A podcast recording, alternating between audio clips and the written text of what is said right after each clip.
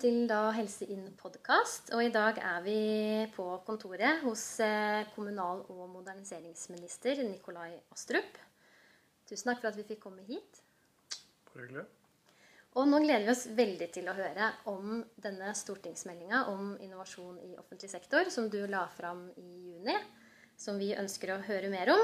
Eh, og til å høre litt om hva du tenker om hvordan vi kan styrke innovasjonsarbeidet som gjøres i det offentlige, da, og særlig ute i kommunene. Så kan du si litt om den stortingsmeldinga her. Hvorfor, eh, hvorfor, dere la den fram? Ja, det kan jeg gjøre. Det er jo den første stortingsmeldingen i sitt slag, kan du si. Og jeg tror det er stort behov for det. Det er behov for å tenke innovasjon i alle ledd i offentlig sektor. Rett og slett fordi vi må ta i bruk de mulighetene som ligger i ny teknologi, til å løse oppgavene på helt nye og bedre måter enn det vi har gjort før.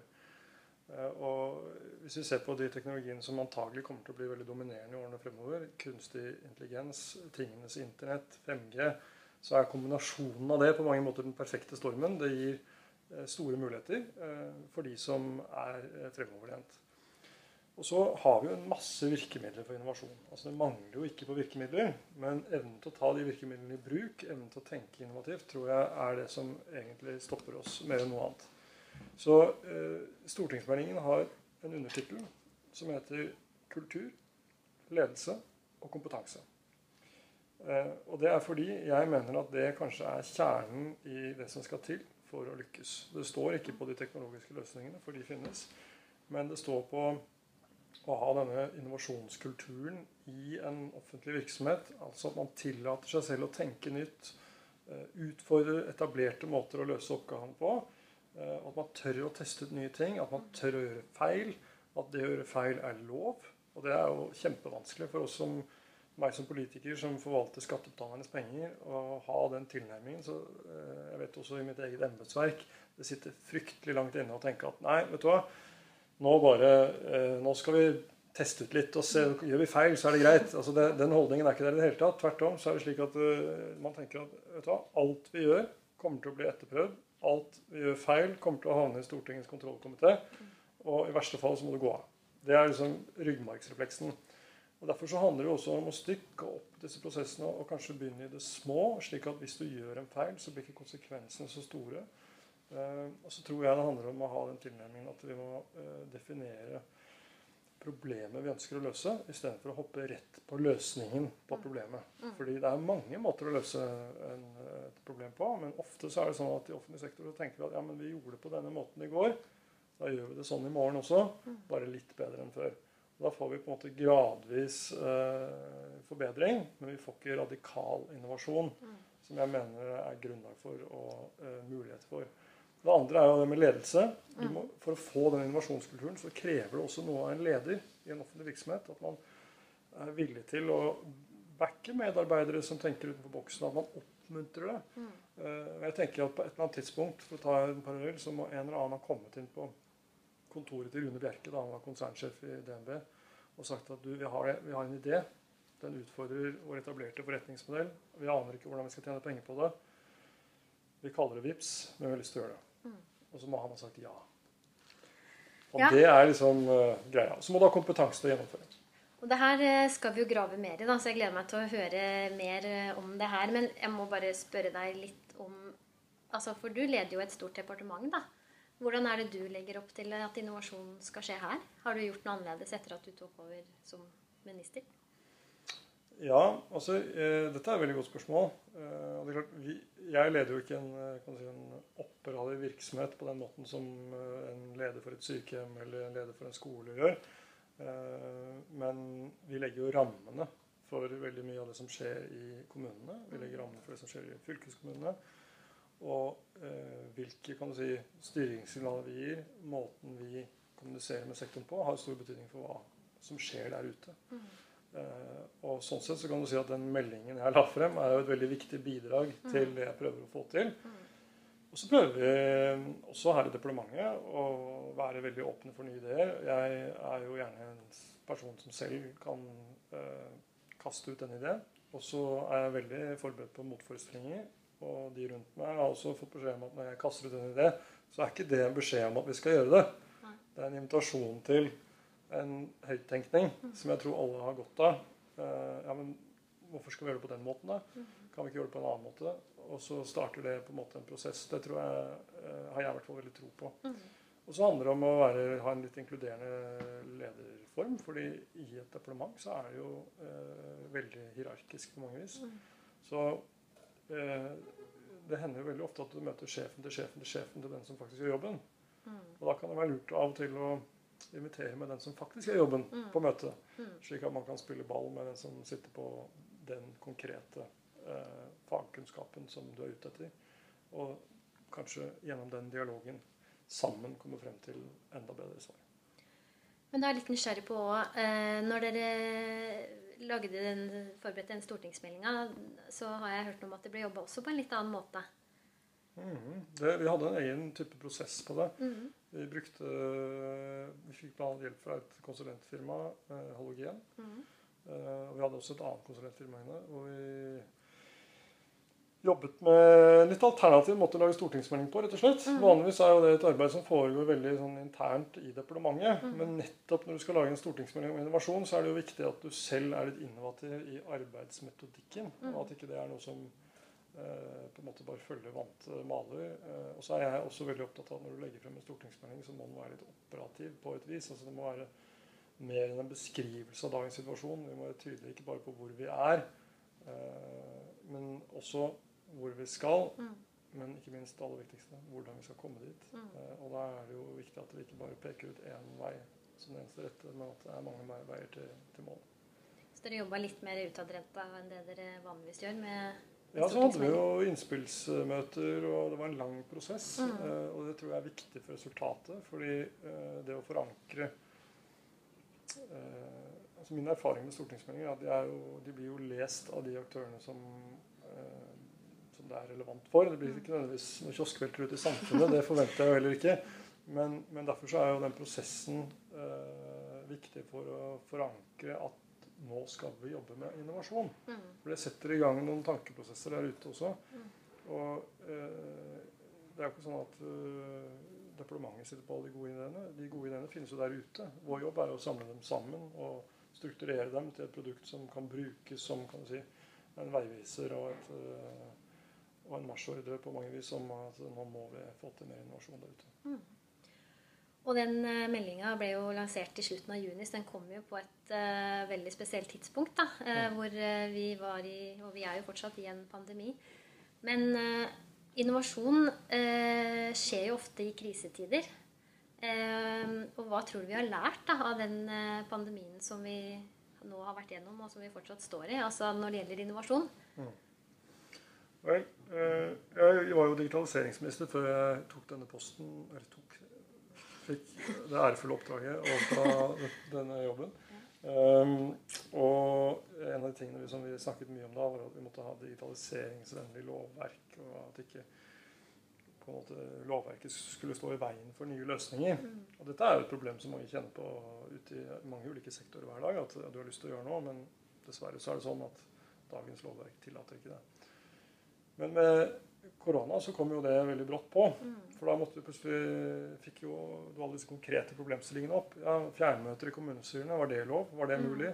Eh, Det står i loven at du skal ha fysisk signatur på papirer. eh, At du skal ha fysisk oppmøte på styremøter. Alle disse tingene måtte jo løses umiddelbart.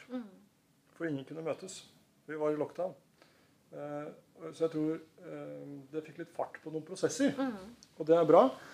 Hvis du tar noen sånne andre ting på forbrukeratferd altså, Før Vi var jo det landet i hele OECD som hadde lavest kontantandel i økonomien vår. Eller lavest antall transaksjoner med kontanter. Jeg tror vi var på 11% eller noe sånt. Ja. Eh, Men nå er vi på 3 Eh, Det bare stupte etter korona fordi ingen ville håndtere penger. Um, Så det har nok satt fart, fart, satt fart på ting som allerede var i gang. Men det har også tvunget tror jeg, mange til å tenke helt nytt. Og kanskje åpnet øynene for at ja, men de måtene vi gjorde ting på før, var kanskje ikke helt nødvendig. Ja. Eh, Jeg hadde selv møter under korona hvor eh? Jeg hadde møte med, to, med både fylkeskommunen og fylkesmannen i Vestland. Eh, og vanligvis ville jo de fire personene som var på det møtet, ville brukt en hel dag på å fly til Oslo for å snakke med meg i 30 minutter. Isteden så hadde vi et uh, videomøte som var på 20 minutter, og så kunne alle gjøre det de egentlig hadde tenkt å gjøre den dagen. Mm. Så jeg tror nok en del sånne ting, selv om jeg tror de fysiske kontaktene er veldig viktige. Um, og det fysiske møtet er viktig, og det er viktig ikke minst i sånne kreative prosesser og innspill og for å drive innovasjon. Men en del av de kan si, melk og brød-møtene som vi har, Mm. de kommer vi til å fortsette å ha på eh, videokonferanse, tror jeg. For eksempel. Mm. Eh, ja, og jeg, gleder meg jo til å høre litt om det her med altså eh, De her prinsippene da, som dere legger fram i stortingsmeldinga for å fremme innovasjon. Eh, og det ene er jo altså rammebetingelsene. Eh, hvordan regjeringa kan legge til rette for bedre rammebetingelser da, i offentlig sektor. Eh, kan du si litt om det? Ja, eh, jeg tror det å ha gode rammer for å bedrive innovasjon er veldig viktig. Og det betyr jo bl.a. at du må ha et virkemiddelapparat som eh, bygger opp under innovasjonstankegangen. Og en av de tingene som vi lanserer i stortingsmeldingen, er et nytt eh, program for oppstartsselskaper som ønsker å samhandle med offentlig sektor og tilby varer og tjenester. Og det er et i og for seg et program som vi også finansierer opp i 2021-budsjettet. Mm. Så da fikk den budsjettlekkasje. Ja. Eh, Spennende. og det, Og hva går det ut på? Hva skal startupene få ut av det her? altså, det er egentlig to, to ting det programmet skal oppnå. Det ene er at det skal samle offentlig sektors behov eh, på en litt annen måte enn det som skjer i dag. Fordi offentlig sektor som sagt, jo, kan være litt eh, konservative når det gjelder innkjøpsprosesser. Så man kjøper stort sett det samme. Man bestemmer seg på forhånd. Det jeg trenger, det er sant, en stol. Eh, og så går man ut og så kjøper man en stol, og så er man ferdig med det. Eh, mens det de egentlig trenger, er et sted å sitte. Eh, og kanskje kan oppstartsselskaper ha en helt annen, et helt annet konsept enn en stol Mm. for å løse behovet ditt, som er et sted å sitte. Så Det er et litt banalt eksempel, men altså, dere skjønner hva jeg mener. Så poenget er egentlig at istedenfor å hoppe rett på løsningen, så må offentlig sektor definere behovene sine. Uh, da går man bredere ut. Det gjør at det er mulig å tenke litt annerledes, mer innovativt rundt hva slags type løsninger som kan være mulige. Uh, og det andre er, og det handler jo også om å tilgjengeliggjøre de behovene for oppstartsselskapene Mm. på en annen måte enn det Doffin kan gjøre. Mm. Det andre er jo å eh, veilede, rådgi, eh, bane vei for oppstartsselskapene inn, i, uh, inn til offentlig sektor. slik at de, Det er jo komplisert med offentlige anskaffelser. Uh, og et oppstartsselskap som kanskje består av noen få ansatte, kanskje bare én ansatt, hva det måtte være, uh, som har en god idé, de har ikke råd til, mulighet til, å stå i et lang anskaffelsesprosess og så ende opp med å bli nummer to. Så det handler kanskje også om å hjelpe dem med å sortere på en måte hvordan de skal komme videre, og om det er grunnlag for å komme videre, slik at de lettere kan komme i inngrep med offentlig sektor. Så tror jeg da at eh, offentlig sektor kjøper en vare og tjeneste for 560 milliarder i året. Det er jo to år gamle tall, men så er det sikkert enda mer nå. Og hvordan vi bruker de pengene, har enorm betydning både for hvor innovative og digitale og grønne vi blir, men også for hva slags type næringsliv vi får. Eh, og vi trenger flere ben å stå på. Vi trenger å gi disse selskapene en eh, mulighet til å vokse, til å skape nye arbeidsplasser, til å kanskje bli en ny eksportsuksess. Og, det, eh, og de kan jo komme fra over hele landet. Og det er jo fantastisk hvor mange supre oppstartsselskaper som finnes nå i Norge. Det har vært en boom uten like. Mm. Men for at ikke de skal alle sammen bevege seg, eller en stor del av dem, inn i dødens dal, så må vi også hjelpe dem frem. Mm. Mange av dem har noe å tilby offentlig sektor. Offentlig sektor har noe å tjene på å kjøpe varer og tjenester fra dem, fordi de ofte har nye ideer. Eh, Så her er en vinn-vinn-situasjon eh, med å pare de behovene vi har i offentlig sektor, med de løsningene oppstartsselskap kan tilby. Så dette tror jeg kan bli kjempebra. Det er jo veldig gode nyheter for oppstartsselskapene. Vi har jo òg noen medlemmer i klynga som er helt i oppstartsfasen. Eh, og så er det også litt dessverre sånn at en del oppstartsselskaper kvier seg litt for å gå inn mot helsesektoren. Fordi er, det er et vanskelig marked å komme inn i. Det er et komplisert eh, lovverk. Eh, Men det her er jo i hvert fall veldig godt nytt for, for de små. Men så sier du at liksom, offentlige anskaffelser er vanskelig, og innovative offentlige anskaffelser også er jo ganske komplisert. Hvis det er vanskelig for oppstartsbedriftene, så opplever ofte vi òg at det er litt vanskelig for kommunene å ta det i bruk. Altså Det ligger der som en mulighet, kjempegod mulighet. Eh, men det krever jo også veldig god bestillerkompetanse, egentlig. Mm. Eh, hvordan kan vi legge til rette for at flere av kommunene, eller sykehusene også for så vidt, bruker den muligheten som faktisk finnes i innovasjonspartnerskap, mm. innovative anskaffelser? Ja, dette er, dette er en kjerne. Uh, virkelig en stor utfordring. Uh, vi, trenger at, uh, vi, trenger innkjøpere som er trygge på seg selv. Mm. Trygge på hvilket handlingsrom de har. Og veldig ofte så møter jo jeg motforestillingen at ja, men vi har ikke mulighet til å gjøre sånn og sånn pga. Mm. anskaffelsesregelverket. Men handlingsrommet er mye større enn det veldig mange tror. Og mm. veldig mange er veldig konservative fordi de er redd for å gjøre feil. Mm.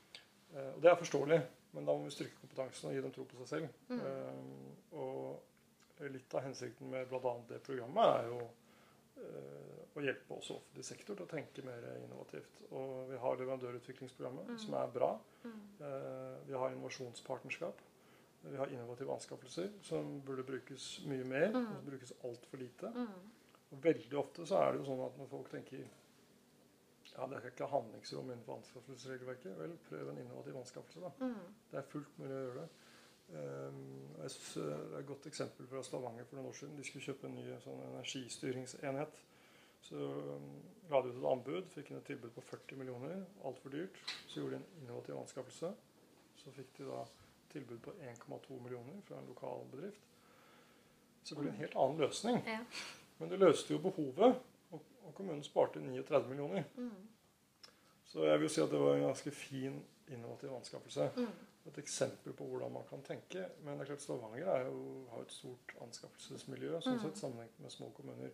Og da er vi egentlig også tilbake til noe av kjernen ved både Helse Inn, men også uh, andre tilsvarende miljøer i Norge. Vi trenger å samarbeide med. Vi mm. trenger innovative partnerskap. Vi trenger samarbeid på tvers. Vi trenger å gå sammen. Og det gjelder ikke minst uh, de mange små kommunene vi har i Norge. Mm. Jeg synes jo, Når det gjelder velferdsteknologi, syns jeg f.eks. det de gjør på Agder, er veldig spennende. Mm. Uh, og det er vel ikke så helt ulikt, sånn som dere tenker også. Men hvor alle erkjenner at her er de for små alene. Går sammen. uh, og uh, liksom både statlige aktører er med, bedrifter er med. Og kommunene stiller sine si, velferdstjenester til disposisjon til å teste ut løsninger på vegne av dem alle og rulle ut. Mm. Og, og, det tenker jeg er måten å jobbe på for å få til mer innovasjon. fordi hver for seg så vil også mange av de store kommunene være for små mm. til å lykkes alene. Ja, og det er jo nettopp det vi også prøver å legge til rette for. Eh, vi ser at mange av kommunene, og kanskje spesielt Innlandet, er for små. Eh, har, eh, det er et spredt kompetansemiljø og ganske sårbart da, når det blir mange små kommuner og et stort helseforetak.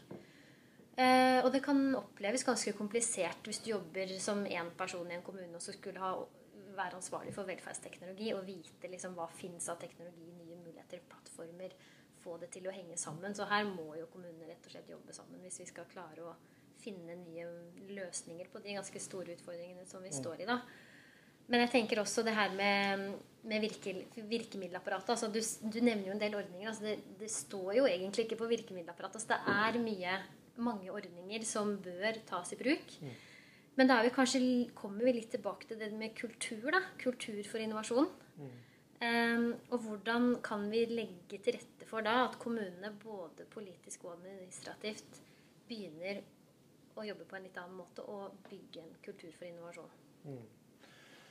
Jeg eh, tror jo, bare for å ta tak i det første du sa først, at eh, eh, samarbeid er selvfølgelig viktig, men det handler også om å lære av både egne og andres feil og suksesser. Mm. Det er for lite deling på tvers. Altså Da jeg var digitaliseringsminister, så hadde jeg en kort periode hvor jeg besøkte 46 kommuner eller hva det var, på fem uker. Eh, og mange av de kommunene jeg besøkte, de hadde noe helt unikt å vise meg frem. Mm. Da vise frem til meg. Mm. Bortsett fra at det var helt likt det jeg hadde sett i en annen kommune, som hadde da kjøpt dette av det samme konsulentfirmaet. eh, og da tenker jeg at eh, her er det rom for å kanskje jobbe mye mer sammen, lære mer av hverandre og lære av det som virker og ikke virker. Og bygge videre på gode innovasjoner. Mm. Og bruke Ok, så har en kommune gjort noe bra. Ikke bare tenk ja, men da tar jeg også det. Tenk ok, men hvordan kan jeg bruke det til å få til enda mer? Eh, gjerne sammen med den kommunen. Og det handler jo om at det må være ledelse, innovasjonsledelse på et vis, og det må komme fra toppen. Altså Det kan ikke være overlatt til en enslig anskaffelsesperson at ja, jeg må tenke innovasjon.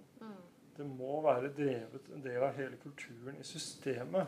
Og det kommer både eh, hvis det politisk i kommunen f.eks. er et tydelig, tydelig oppmerksomhet om dette, men også administrativt. Og det jeg oppdaget da jeg var digitaliseringsminister, var at det var litt uavhengig av eh, jeg håper å si, hvilke partier som styrte kommunen. Så var det litt eh, Hvis du hadde noen sånne ildsjeler i administrasjonen, så var det det som drev det frem. Men det skal altså, kan ikke være så tilfeldig. Det må jobbes med systematisk. Og eh, man må på en måte sørge for å Har man ikke miljøet selv, så vel, så samarbeid med noen som har eh, flinke folk som kan mye om innovasjon, så kan man sammen kanskje få til enda mer. tenker jeg. Så det må jobbes med. Langsiktig, systematisk og strategisk. Eh, og det er ingen quick fix. Dere kan ikke bare vedta at sånn skal det være. Eh, det er hardt arbeid. Og eh, du kan, det, tar aldri slutt. Og Derfor så er det også vanskelig å få til. Men det er jo nettopp fordi det er vanskelig at vi må gjøre det. Ja. Og et litt morsomt eksempel der, da, det er jo Bærum kommune. Som ikke bare deler ut en innovasjonspris i kommunen, men de deler også ut en pris for årets beste feil.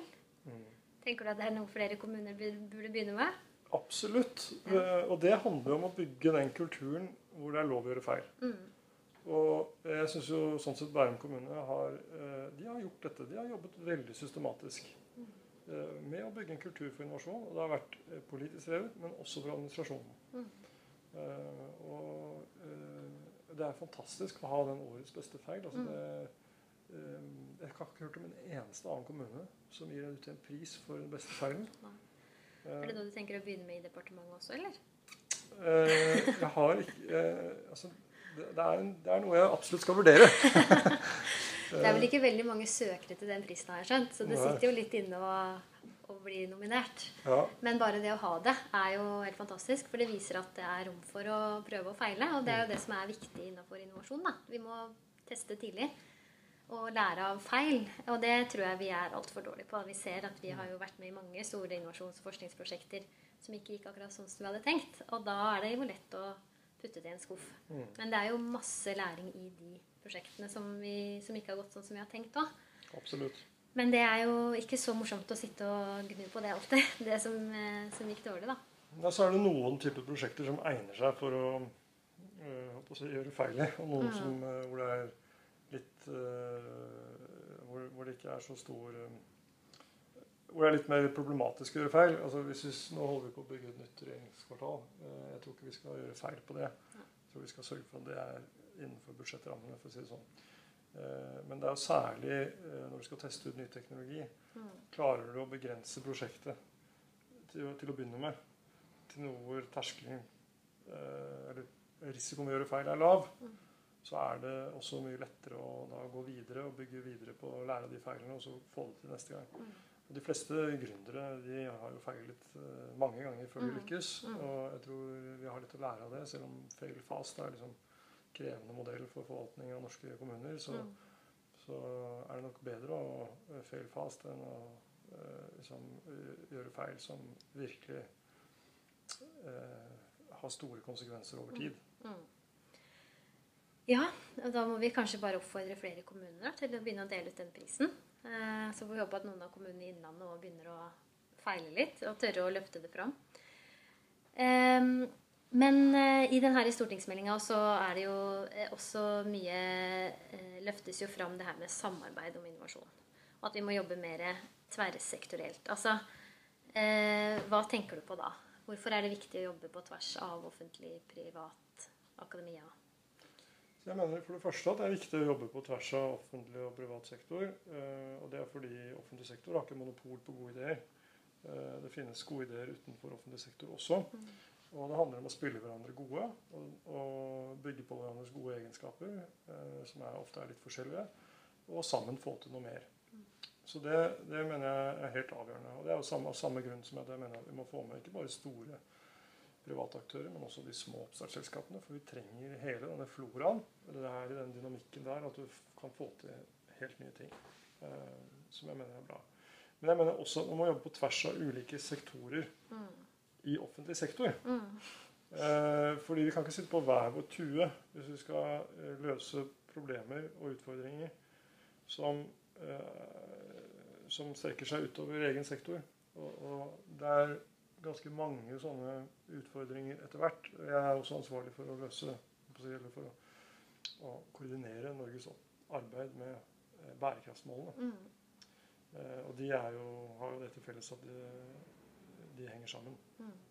Så det, alle målene er på en måte gjensidig avhengig av hverandre. Mm.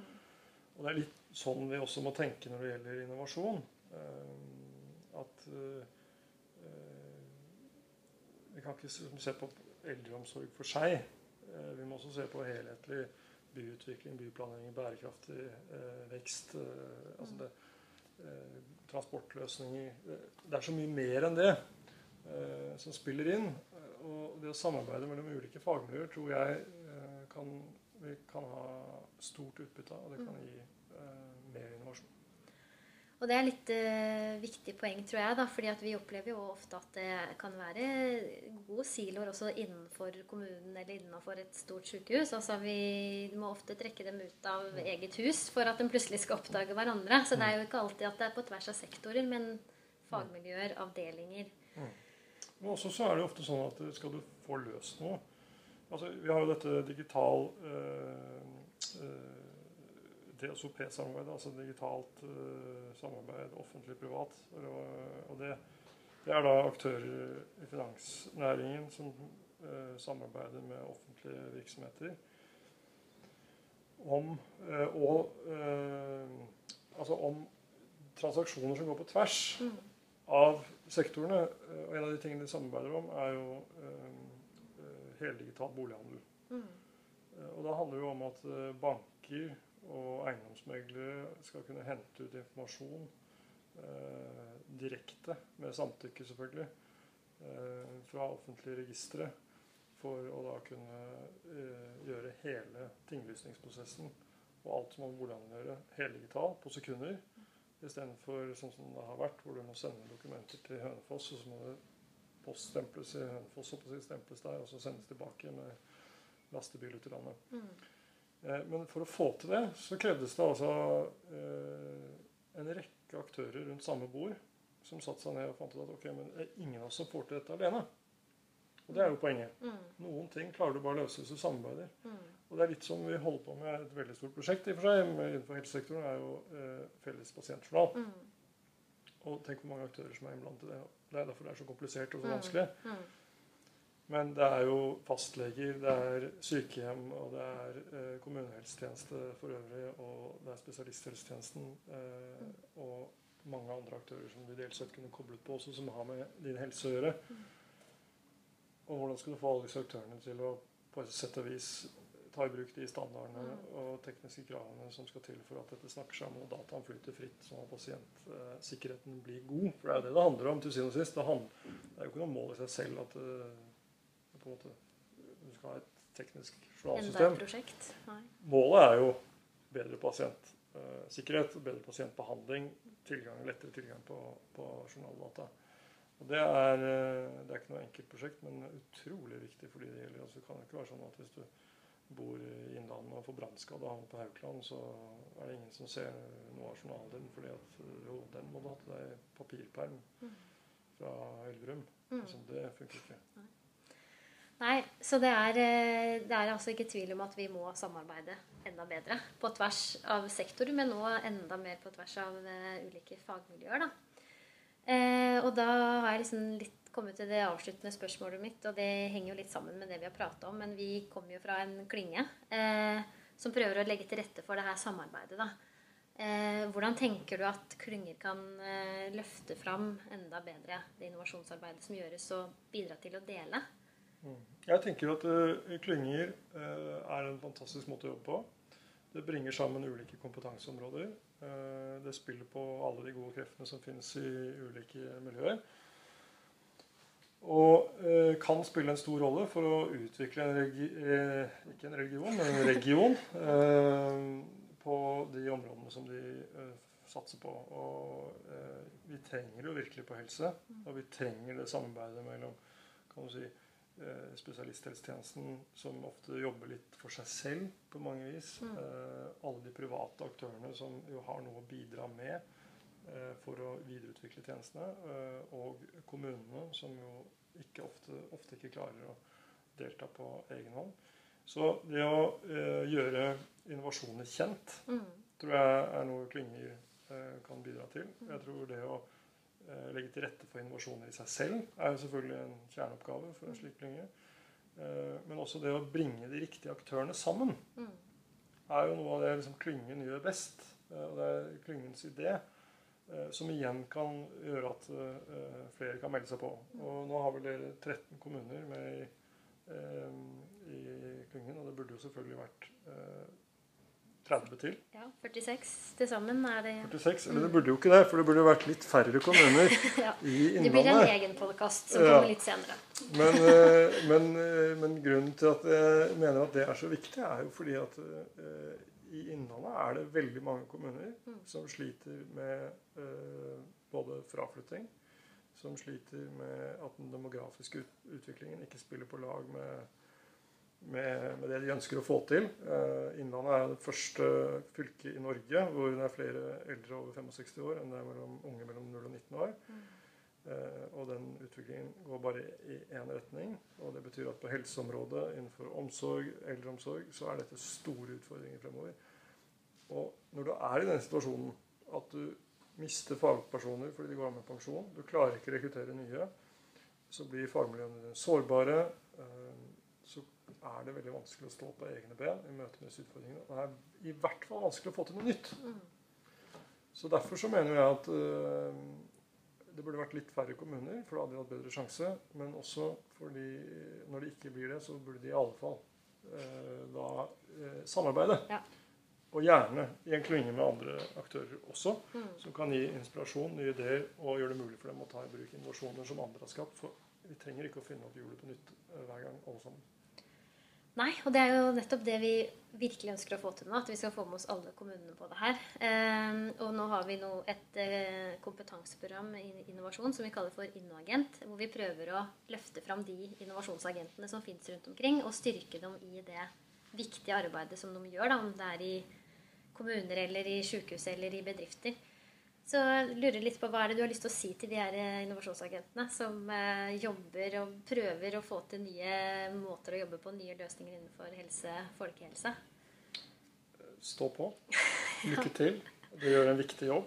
Eh, og jeg, jeg tenker at det er måten å jobbe på. Og mm. utrolig viktig å gjøre innovasjonene kjent og sørge for at flere tar dem i bruk. Og så tenker jeg at vi alle sammen skal ha høyere, ambisjon, høyere ambisjoner enn gradvis forbedring. For det er ofte der vi ender. At vi gjør ting litt bedre enn før. Men hvorfor ikke tenke radikal innovasjon? Mm. Hvorfor ikke tenke om dette kunne vi gjort på en helt annen måte?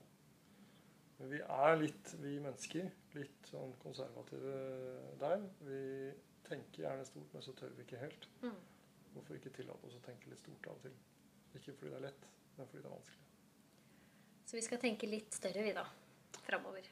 Innlandet er jo stort, ja. så det er all grunn til å tenke stort. Ja.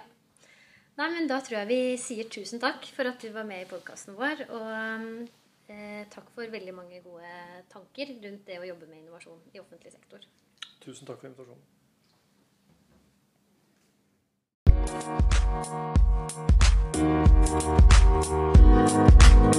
Thank Música